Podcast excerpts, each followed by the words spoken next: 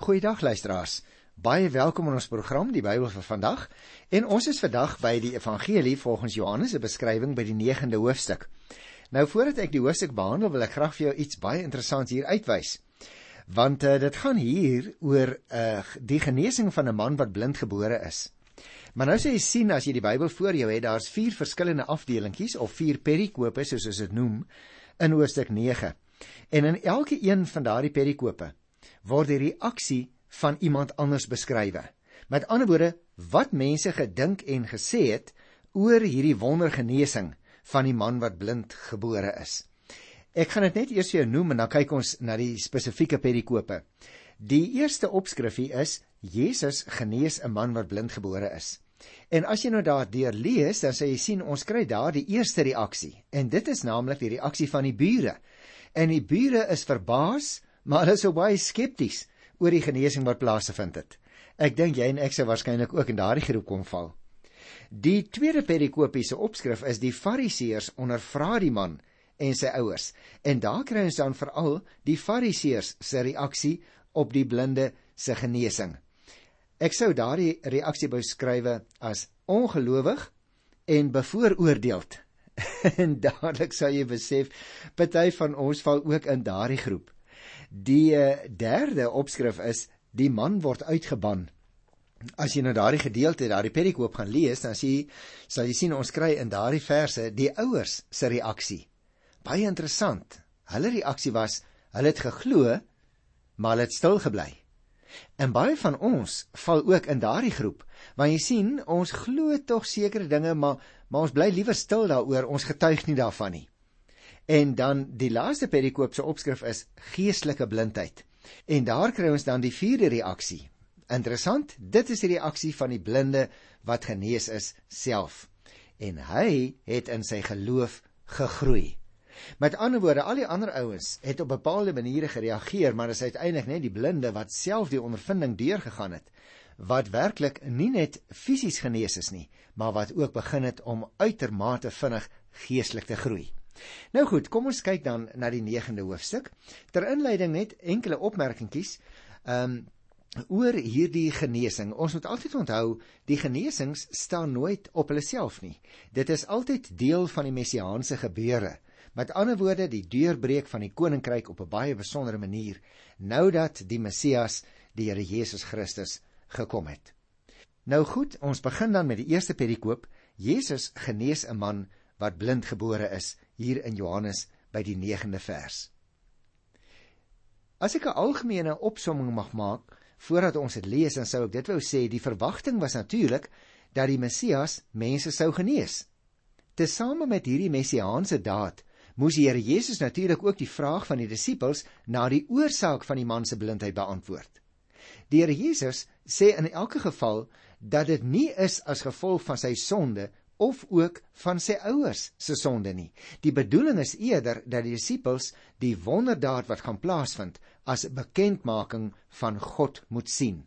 Met ander woorde, die Messias het gekom, God is teenwoordig in die Here Jesus Christus se optrede. Nou in die Ou Testament natuurlik word die gawe om te kan sien geassosieer met God. Gaan kyk byvoorbeeld in Jesaja 29 vers 18.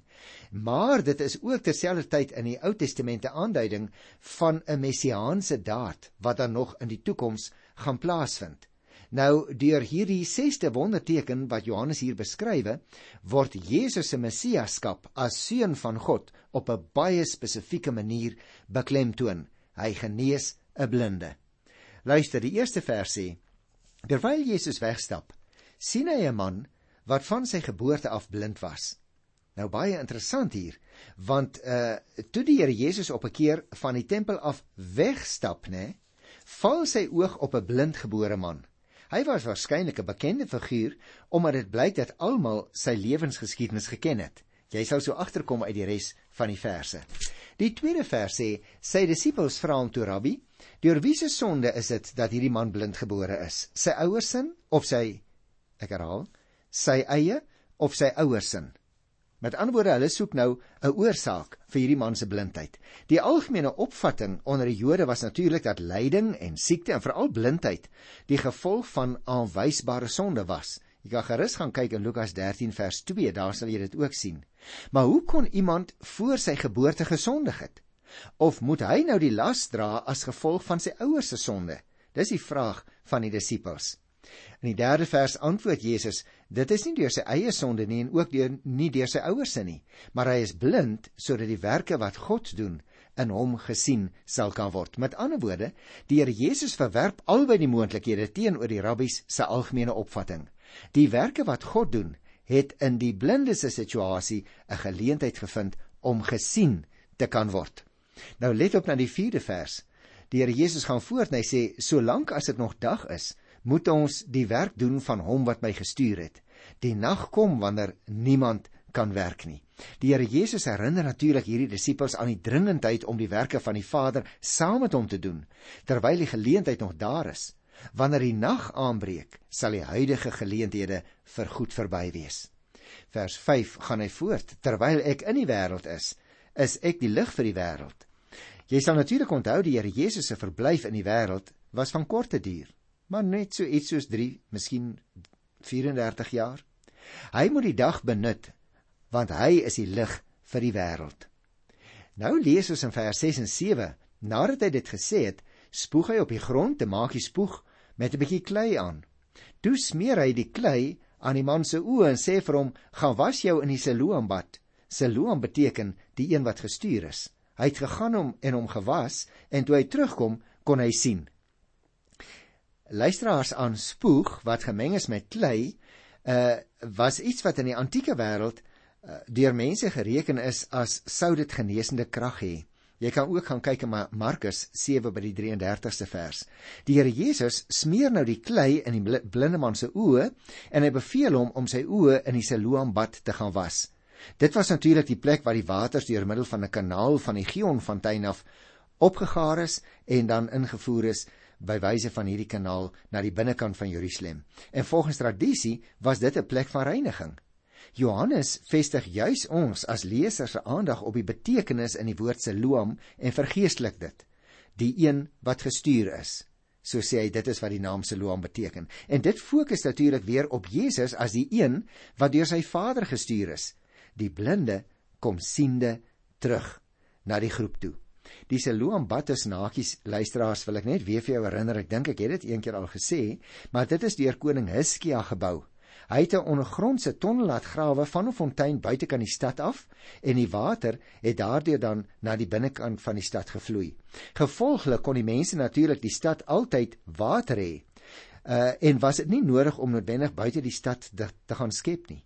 Selfs die betekenis van Siloam die een wat gestuur is, fokus dus volgens Johannes se beskrywing op die identiteit van die Here Jesus as die gestuurde van die Vader. Ek dink die sentrale punt in die hele Johannes Evangelie is juis dit: Wie is Jesus? En hierop moet elkeen 'n antwoord gee.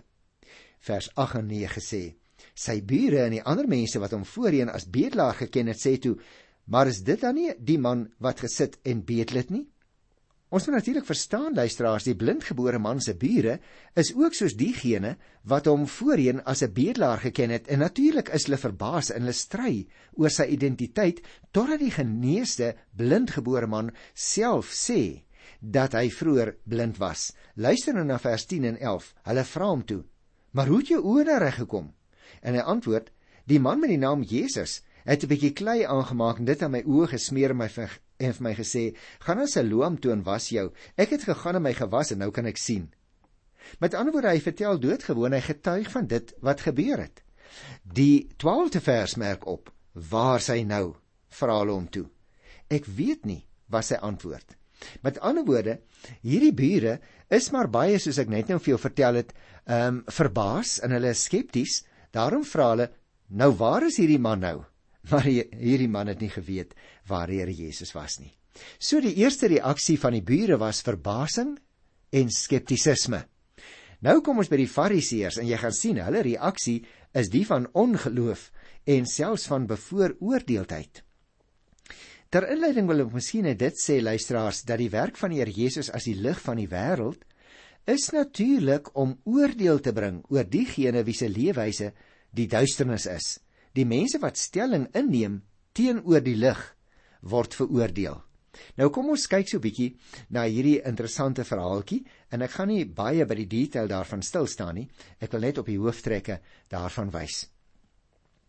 Daarna het die mense die man wat eers blind was na die Fariseërs toe gebring.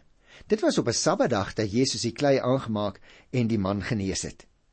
Nou dis 'n interessante opmerking nê, want die dag na die genesing word die man deur sy bure na die Fariseërs toe gebring om uitsluitsel te kry oor die godsdienstige aspekte van die wonderteken. Met ander woorde, hulle gaan nou na die skrifgeleerdes toe en wil net 'n bietjie hoor, nou wat sê die wat sê die skrifte van so 'n gebeurtenis?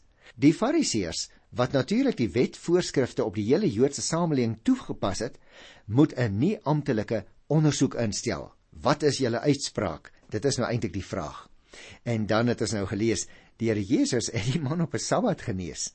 Nou van die 39 soorte werk wat verbode was op 'n Sabbatdag, is 'n paar deur die Here Jesus nou alreeds oortree.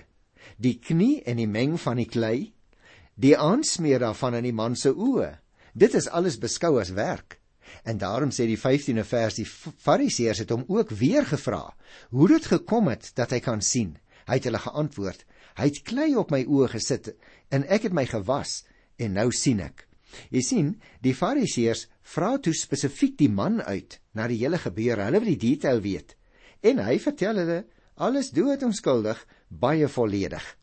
Vers 16 party van die Fariseërs sê toe: Hierdie man kan nie van God wees nie, want hy hou nie die Sabbatdag nie. Maar van die ander het gesê: Hoe kan iemand wat 'n sondaar is, sulke wondertekens doen? En daar was verdeeldheid onder hulle. Natuurlik, die Fariseërs betwyfel die Here Jesus se herkoms, want hy het van God af gekom, omdat so 'n persoon die Sabbatdag sou hou. So reken hulle natuurlik volgens hulle eie reëls. Volgens sommige is die Fariseëse reël aangaande die Sabbat nou deur Jesus verbreek. Maar ander Fariseërs verskil daarmee. Hulle redeneer weer vanuit die wondergenesing en hulle meen op grond daarvan dat hierdie man van God af moet kom en daarom lees ons interessant, daar was dadelik verdeeldheid onder hulle en hulle was nou die ouens wat die eh, wat die uitspraak moes gee. Nou verskil hulle van mekaar.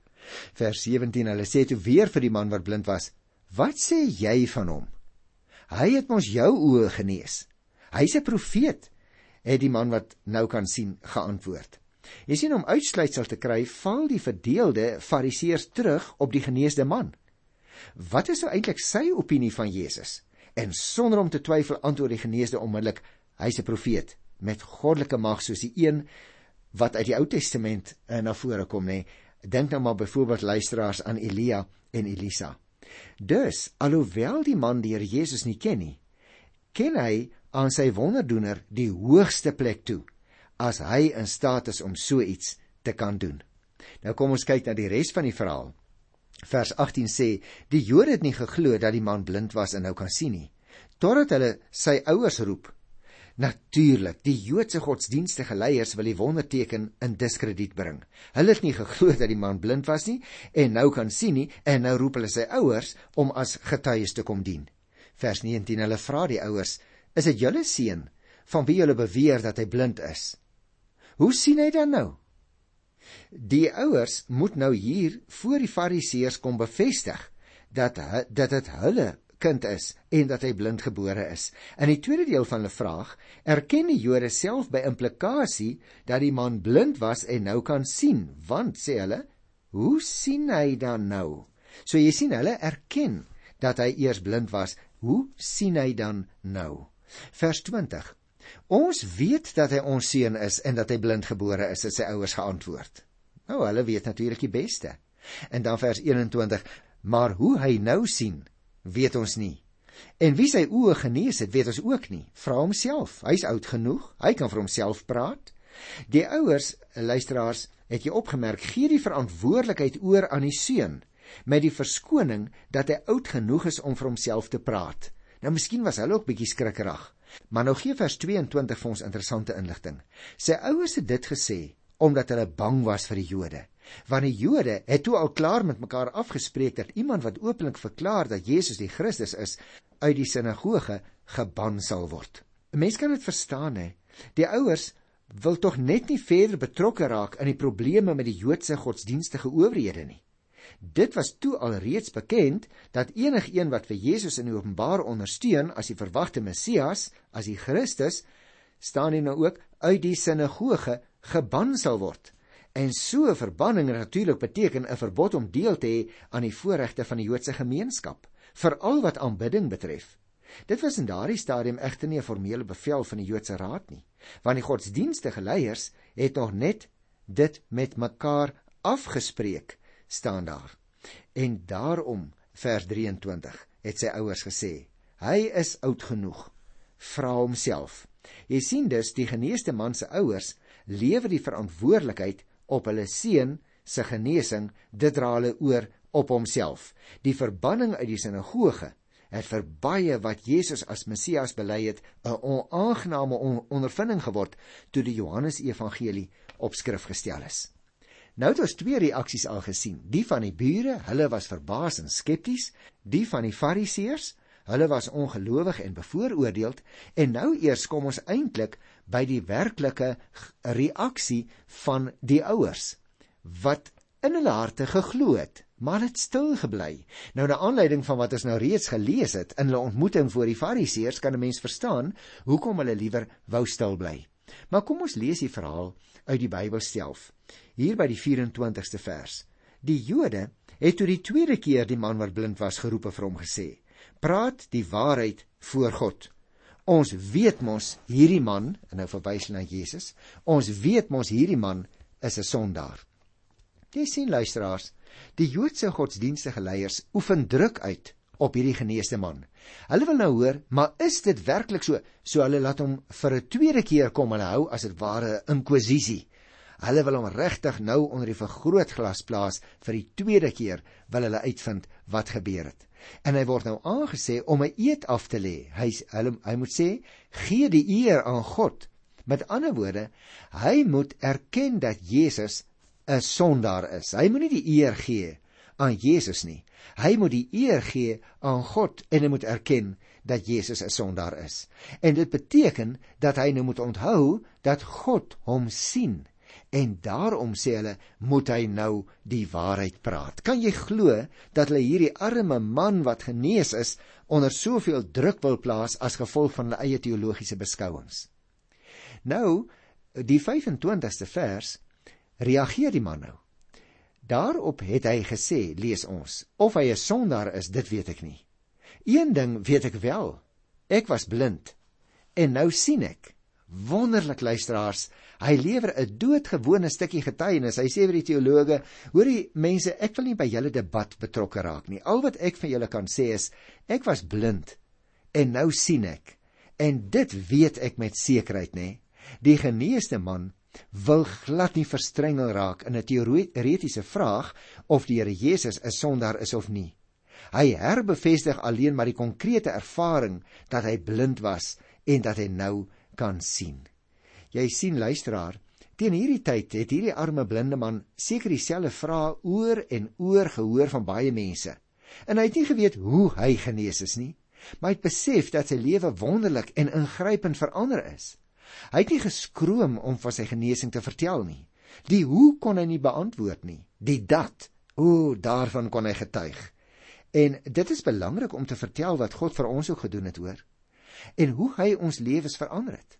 Vertrou dan dat God ook jou woorde sal gebruik om ander mense na hom toe te trek. Luisteraars, dis maar soos jy en ek, nê. Ons weet nie altyd presies hoe die hele verlossingsproses werk nie maar ons kan getuig dat ons genees is. En daarom interessant nou, hierdie ouers van hom, hulle hulle is nou baie bang. Hulle het nou ge geweet dat hy uh genees is. Hulle sê in die 31ste vers, ons weet dat God nie na sondaars luister nie, maar as iemand vir hom ontsag het en doen wat hy wil hê, God luister na hom. Hulle sê toe vir hom in vers 34: "Jy's van jou geboorte af die ene sonde en wil jy ons staan en leer? En hulle het hom uitgeban. Met ander woorde jy kan nie glo wat hulle aan hierdie arme man doen nie want hy wil nie afsien van sy getuienis nie. God het hom genees nou ja sy ouers het geglo maar hulle het maar stil gebly en nou kom ons in die laaste perikoop by die vierde reaksie dit wat die blinde man self getuig het oor wat gebeur het. Hy het in sy geloof gegroei. Luister na vers 35. Jesus het gehoor dat die Jode die man uitgeban het en toe hy hom kry, vra hy vir hom: "Glo jy in die seun van die mens?" Jy sien teenoor die Joodse godsdienstige leiers wat die geneesde blindgeborene uitgeban het uit die gemeenskap, het Jesus hom gaan opsoek want hy het gekom om sondaars te red. En hy het hom ook gevind. En hy vra nou vir hom of hy in die seun van die mens glo. Luisteraars, Jesus se selfbenaming, die seun van die mens, word dikwels in verband gebring met die oordeel. Soos ook blyk uit uh, vers 39 tot 41 wat ons nou nou gaan lees. Vers 36 is interessant. Die man het geantwoord: "Wie is dit, meneer, sodat ek in hom kan glo?" Jy sien, die seun van die mens vind geloof in hierdie man en sy dankbaarheid kom juis tot uiting in sy bereidwilligheid. Hy sê ek sal glo as ek net weet wie hy is. En daarom vra hierdie man ook na die identiteit van die draer van die titel die seun van die mens. Hy weet al dat Jesus 'n profeet moet wees. Dit ons agtergekom by vers 17. Dat hy mag het. Dit het ons geleer uit vers 32.